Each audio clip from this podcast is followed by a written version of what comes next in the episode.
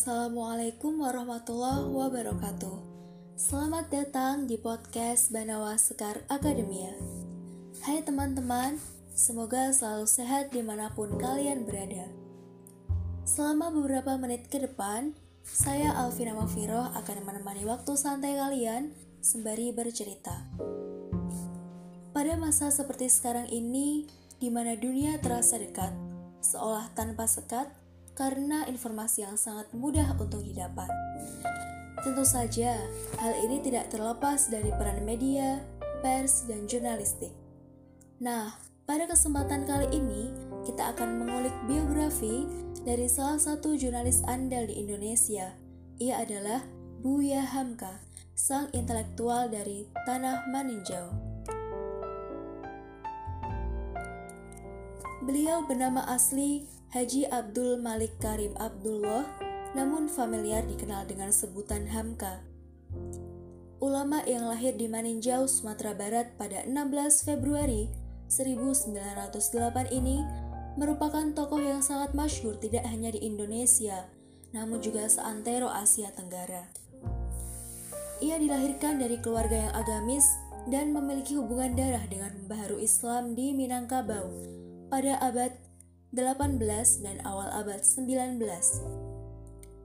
Ayahnya bernama Haji Abdul Karim Amrullah dan ibunya bernama Siti Sofiah Tanjung binti Haji Zakaria.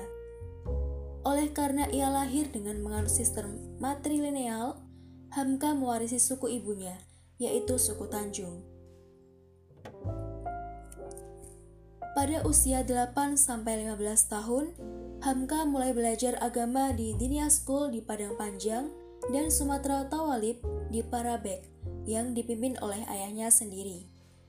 Metode pendidikan pada saat itu diutamakan membaca kitab-kitab klasik dengan standar buku-buku pelajaran sekolah agama rendah di Mesir. Akan tetapi, tidak diimbangi dengan belajar menulis dengan maksimal, sehingga banyak siswa yang mahir membaca tetapi sangat lemah dalam kemampuan tulis-menulis. Di usianya yang masih sangat muda, yaitu 16 tahun, Hamka sudah merantau ke Jawa, tepatnya ke kota Yogyakarta untuk menuntut ilmu.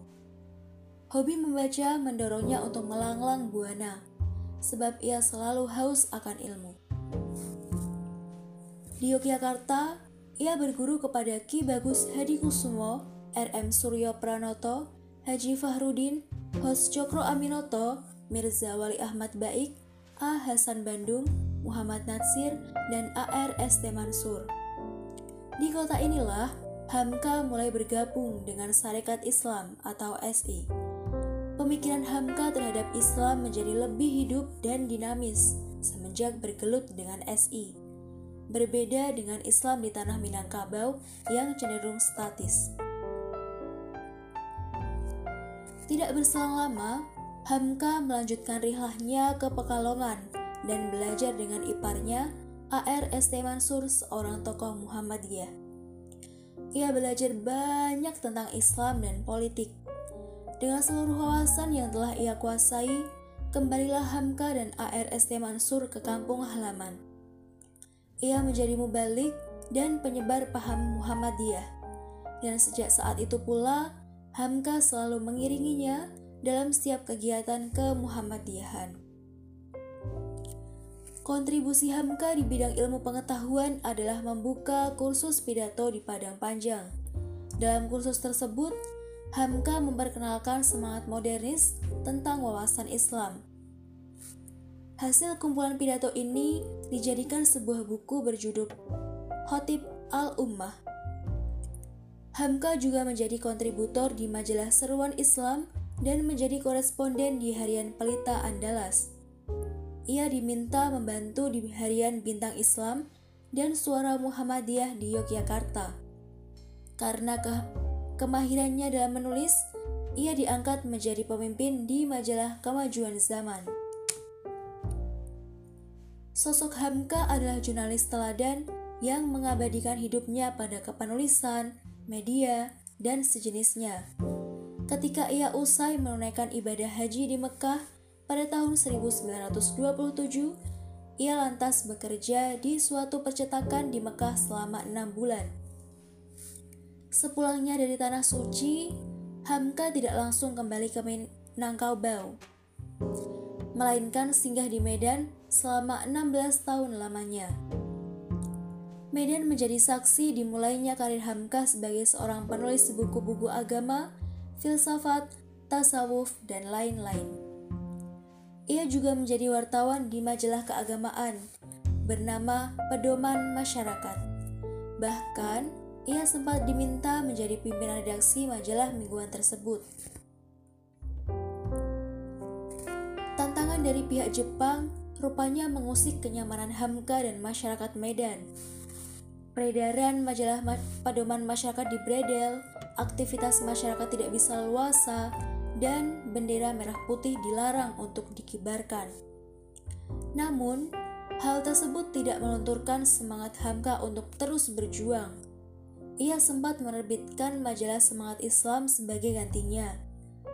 Di tengah kekecewaannya terhadap pemerintah Jepang, Hamka diangkat sebagai anggota Shusangikai atau Dewan Anggota Dewan Perwakilan Rakyat pada tahun 1944. Kedudukan terhormat ini justru menjadikan Hamka dibenci, dikucilkan, dan dipandang rendah oleh masyarakat Medan. Berada dalam kondisi yang serba salah tersebut, Hamka memutuskan untuk kembali ke Padang Panjang pada tahun 1945.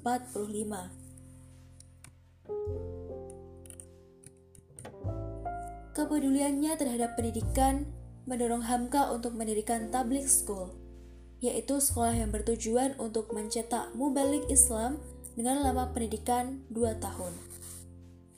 Didirikannya sekolah ini berangkat dari keinginan Hamka untuk melakukan pembaharuan di bidang pendidikan di Minangkabau. Dari hasil Kongres Muhammadiyah ke-11, sekolah ini berubah nama menjadi Kuliatul Mubaligin dengan lama pendidikan 3 tahun.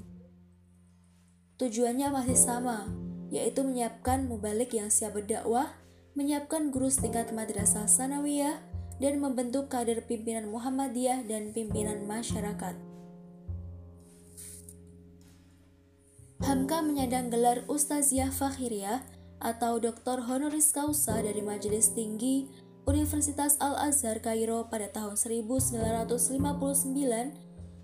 sebagai penghargaan atas jasa-jasanya dalam penyiaran Islam dengan bahasa Indonesia yang indah.